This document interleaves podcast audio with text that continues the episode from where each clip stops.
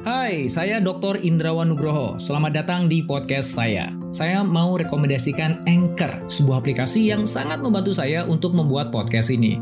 Layanan Anchor itu gratis dan kamu bisa download di App Store atau Play Store atau bisa juga diakses di websitenya www.anchor.fm. Yuk, mangga dicoba.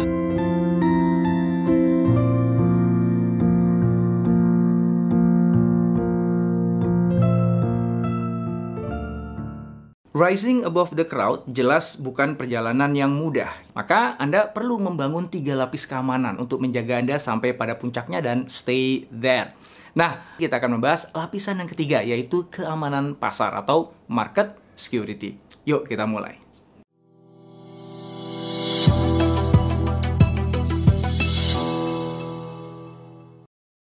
Saat ini Anda sudah memiliki dua lapisan keamanan untuk menjaga Anda rising above the crowd. Lapisan yang pertama telah memberi Anda kekuatan untuk bisa menembus segala kesulitan yang Anda temukan di perjalanan. Lapisan yang kedua telah memungkinkan Anda untuk mencapai puncak prestasi. Nah, sekarang saatnya bagi Anda untuk membangun lapisan yang ketiga, yaitu keamanan pasar atau market security. Market security itu diperlukan pada saat Anda sudah berhasil meluncurkan produk dengan berani dan indah. Anda juga sudah mengedukasi pasar sehingga Anda berhasil menyeberangi jurang dari mulai memuaskan early adopter sampai dengan penerimaan pasar oleh early majority yang lebih luas. Singkatnya, pada saat ini Anda sudah berhasil rise above the crowd.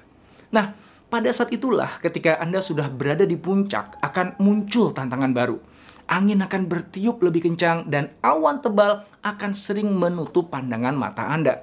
Suara riuh tepuk tangan akan membuat kita nggak lagi mampu mendengar kebenaran yang dibisikkan oleh pasar. Kita menjadi mulai terlena dan lengah sehingga tanpa sadar mulai tergelincir dan jatuh kembali menjadi bagian dari kerumunan. Ingat ya, di dalam permainan ini nggak ada garis finishnya. Semua pemain akan terus berlari saling mengejar selama pasarnya masih ada. Sedangkan di belakang sudah berjejer para pesaing yang siap mengambil alih pasar Anda. Ingat juga, selera pasar selalu berubah-ubah seperti halnya kebutuhan mereka. Apabila gagal memenuhi celah tersebut, maka pesaing Anda akan merebutnya dengan senang hati. Aetna adalah perusahaan asuransi kelas dunia. Bukan hanya mampu bertahan dari gempuran pesaing, mereka juga terus tumbuh berkembang selama 160 tahun. Mark Bertolini, CEO dari Aetna, mengatakan, tidak ada bisnis yang mampu bertahan lama tanpa menciptakan ulang dirinya sendiri. Dia meneruskan, Walaupun model bisnis Anda saat ini digunakan secara luas dan menguntungkan, tidak berarti hal itu akan melayani Anda dengan baik di masa depan. Itulah sebabnya Anda tidak boleh berdiam diri ketika sudah berada di atas. Anda harus melakukan sesuatu yang benar-benar spesial dan bisa mengamankan masa depan. Apalagi kalau Anda ingin naik ke kelas yang lebih tinggi lagi. Maka mutlak bagi Anda untuk menemukan strategi baru. Seperti yang dikatakan Marshall Goldsmith. Apa yang telah membuat Anda berhasil sampai pada tingkatan hari ini tidak akan membawa Anda pada tingkatan yang lebih tinggi. Kalaupun begitu, bagaimana caranya agar Anda bisa mempertahankan kemenangan dan bersamaan dengan itu bisa mempersiapkan diri Anda untuk naik ke kelas yang lebih tinggi? Mehnat Bagai, Stephen Coley, dan David White dari McKinsey Company melakukan penelitian terhadap berbagai perusahaan, mulai dari perusahaan startup yang berhasil sampai dengan perusahaan-perusahaan besar yang mampu terus tumbuh. Mereka menemukan fakta bahwa perusahaan-perusahaan tersebut memiliki kesamaan dalam upayanya membangun keberhasilan jangka panjang. Temuan mereka kemudian dirumuskan di dalam sebuah formula yang mereka sebut dengan kerangka tiga horizon atau Three Horizon Framework. Kerangka tersebut membantu perusahaan mengidentifikasi kesempatan tumbuh yang potensial tanpa mengabaikan kinerja saat ini. Kerangka ini memang dibuat dalam konteks pimpinan perusahaan.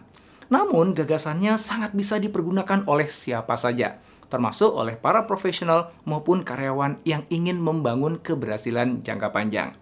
Nah, saya mengajak Anda untuk mengamankan pasar dengan menggunakan pendekatan tiga horizon tersebut.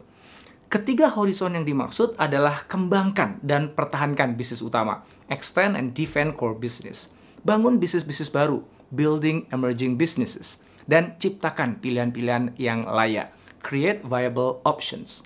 Nah, kita bahas satu persatu ya.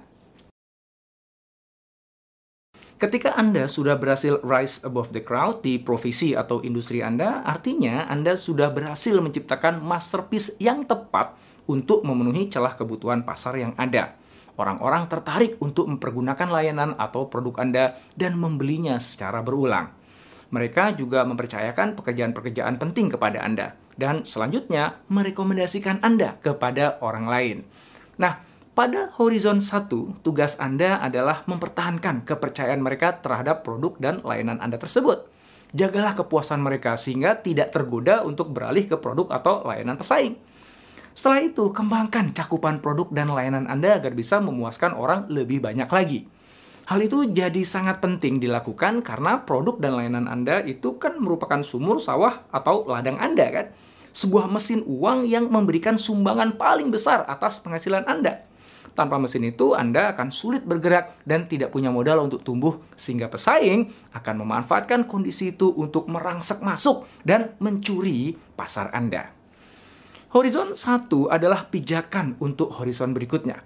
Gagal pada horizon 1 akan membuat Anda sulit bermain di horizon 2 dan juga horizon 3. Jadi, apa saja sih yang harus Anda lakukan?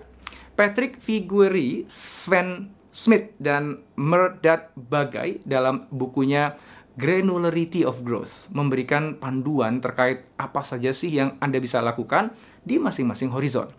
Nah, pada horizon 1, Anda bisa melakukan tiga hal berikut ini. Yang pertama, geser alokasi sumber daya yang Anda miliki ke wilayah yang memiliki peluang paling besar untuk tumbuh. Kedua, tingkatkan kualitas produk dan layanan Anda, kemudian promosikan secara agresif. Ketiga, bagi Anda yang memiliki lebih dari satu bisnis atau peran, jual atau alih dayakan bahkan buang bisnis atau peran yang pertumbuhannya lambat. Apalagi kalau dari semua itu ada yang menghambat. Sementara itu, ambillah bisnis atau peran yang bisa mengakselerasi bisnis utama Anda. Kalau ketiga hal tersebut sudah dilakukan, niscaya posisi Anda di puncak akan aman dari serangan para pesaing. Hai, sebelum kita lanjut podcastnya, kamu sudah pernah dengar Anchor kan? Anchor adalah all-in-one podcast editing platform yang saya gunakan untuk rekaman, edit suara, tambah lagu, dan semua hal dalam pembuatan podcast yang sedang kamu dengerin ini. Anchor bisa membantu kamu bikin podcast kamu sendiri loh. Caranya gampang, tinggal download dari App Store atau Play Store, atau bisa juga diakses di www.anchor.fm. Download Anchor sekarang ya. Apabila di horizon 1 Anda fokus untuk memastikan bahwa mesin uang utama Anda mampu bekerja dengan baik dan terus berkembang, maka pada horizon kedua Anda didorong untuk membangun mesin uang berikutnya. Pasar bisa berubah sewaktu-waktu dan teknologi baru bisa tercipta kapan saja. Nah, kedua hal itu dalam waktu singkat bisa langsung memusnahkan bisnis Anda. Jika Anda karyawan, restrukturisasi organisasi itu bisa meluluh lantakan posisi tawar Anda kan? Nah, jika Anda profesional, sewaktu-waktu bisa jadi datang pemain baru yang lebih murah, yang lebih punya koneksi, bahkan bisa jadi lebih mutakhir dari Anda. Maka di horizon 2, saatnya bagi Anda untuk membangun bisnis-bisnis baru. Bisnis di sini bisa juga diartikan sebagai produk atau layanan Anda ya. Pada satu atau dua tahun awal perjalanan bisnis baru itu, kemungkinan Anda memang belum bisa melihat hasilnya. Walaupun pada saatnya nanti bisa menjadi mesin uang utama. Membangun bisnis, produk, atau layanan baru itu harus dilakukan sebelum mesin uang Anda yang ada pada saat ini mencapai titik jenuhnya. Pada saat Anda bermain di horizon 1 dan berhasil mendongkrak bisnis utama menjadi lebih baik, nah itulah saat atau waktu yang paling tepat bagi Anda untuk berinvestasi membangun bisnis baru. Bersama dengan itu, jangan Anda tinggalkan bisnis utama Anda. Tetap alokasikan sumber daya terbanyak untuk memperkuat bisnis utama Anda di horizon 1 hingga pasarnya sudah benar-benar habis. Berikut ini adalah tiga hal yang bisa Anda lakukan untuk mulai membangun bisnis baru. Pertama, berinvestasilah pada pasar yang saat ini belum dilayani. Buka jalan untuk mesin uang Anda berikutnya. Kedua, jalin kerjasama dengan pihak atau perusahaan lain yang bisa membantu Anda masuk ke dalam pasar potensial. Bentuknya bisa aliansi, atau merger, atau bahkan akuisisi. Ketiga, tambah layanan baru dari produk atau layanan utama Anda dan salurkan ke pasar yang baru dengan mode delivery yang juga baru. Pada saat bisnis baru sudah menjadi mesin uang yang Anda bisa andalkan, ya. Nah, pada saat itulah bisnis utama di horizon 1 sudah mulai mendekati titik jenuhnya maka tiba waktunya untuk merealokasi sumber daya Anda ke bisnis baru tersebut. Pada saat itulah horizon 2 berubah jadi horizon 1. Sehingga dengan demikian, bisnis dan posisi Anda di pasar akan tetap terus terjaga secara berkesinambungan. Horizon 1 dan horizon 2 yang tergarap dengan baik akan mendudukkan Anda pada posisi yang cukup aman saat ini. Pertanyaannya, seberapa aman masa depan Anda? Nah, nggak ada yang tahu jawabannya ya, karena kan nggak ada satu orang pun yang bisa meramal masa depan. Teknologi apa yang nantinya akan tercipta sehingga bisa membuat produk atau layanan kita itu menjadi usang? Model bisnis seperti apa yang akan mewujud di masa depan yang bisa menghancurkan bisnis kita saat ini? Nah, Jawabannya, seperti yang dikatakan Alan Kay, cara terbaik untuk memprediksi masa depan adalah dengan menciptakannya. Oleh karena itu, di horizon ketiga, saya mengajak Anda untuk menciptakan masa depan. Penciptaan masa depan dimulai dengan berinvestasi pada hal-hal yang mungkin saat ini belum diminati pasar dan juga belum menghasilkan uang. Tetapi banyak orang menilai, bahkan Anda juga meyakini, pada saatnya nanti bisa mengubah banyak hal di industri Anda. Dalam hal ini misalnya, Google berinvestasi untuk menciptakan mobil tanpa pengemudi atau driverless car. Microsoft menciptakan HoloLens, komputer holografik pertama di dunia. General Electric masuk ke pasar di negara-negara terbelakang untuk melayani kebutuhan kesehatan di negara-negara tersebut. Nah, tentu saja Anda nggak harus menjadi perusahaan teknologi atau perusahaan besar untuk bermain di horizon 3 ya.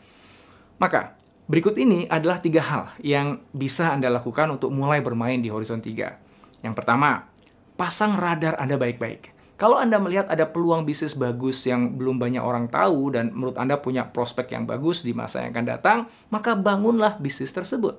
Yang kedua, ketika Anda melihat ada perusahaan-perusahaan yang baru didirikan dan belum menghasilkan, tapi punya prospek bagus dan sedang sibuk cari partner atau investor, nah, berinvestasilah di mereka. Yang ketiga, Ciptakan bisnis baru dengan model bisnis yang berbeda untuk melayani pasar yang saat ini Anda garap di Horizon 1. Nah, itulah yang dilakukan Apple saat meluncurkan Apple Music yang jelas-jelas menyasar pasar yang sama dengan pasar iTunes Store miliknya sendiri. Bagi seorang karyawan, bisnis yang dimaksud adalah kemahiran spesifik.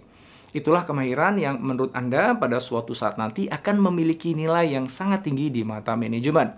Sementara bagi profesional, bisnis itu bisa jadi profesi lain yang saat ini nggak populer, tapi di masa depan profesi itu menjanjikan dan bisa terkait ataupun nggak terkait ya dengan profesi yang Anda saat ini tengah jalankan. Lakukan aktivitas horizon 3 tersebut ketika horizon 1 Anda sudah kuat dan horizon 2 sudah mulai Anda jalankan.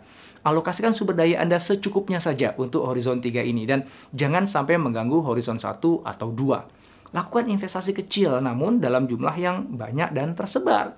Tidak semua investasi tersebut kemudian akan berbuah manis dan kembali dengan jumlah yang berlipat ganda. Sebagian besar justru akan gagal. Meskipun demikian, sebetulnya akan ada beberapa keberhasilan yang bisa diandalkan untuk menyambung penguasaan pasar Anda di masa depan. Begitu Anda menemukannya, maka tambahkan nilai investasi Anda secara bertahap. Apa sih untungnya bermain di horizon 3? Nah, nggak ada sih keuntungan finansial yang Anda bisa nikmati untuk jangka waktu yang lama. Nah, Anda justru akan banyak mengeluarkan uang. Akan tetapi, ketika suatu saat nanti teknologi, model bisnis, kemahiran, atau profesi tersebut menjadi mainstream, nah Anda sudah berhasil mencuri start untuk bisa berada di paling depan di antara semua pemain lainnya. Selain itu, Anda juga sudah punya pijakan pasar yang kuat dan pengalaman yang dibutuhkan. Dengan begitu, Anda akan bisa berlari dengan sangat cepat mendahului yang lain. Nantinya, Anda akan jadi penguasa instan di pasar yang baru terbentuk tersebut. Demikianlah tadi tiga wujud keamanan pasar yang bisa membantu Anda untuk tetap berada di puncak tertinggi dan menikmati kehidupan terbaik Anda secara berkelanjutan. Dengan begitu, Anda sudah lengkap memahami ketiga lapisan pengaman yang Anda butuhkan untuk rise and stay above the crowd.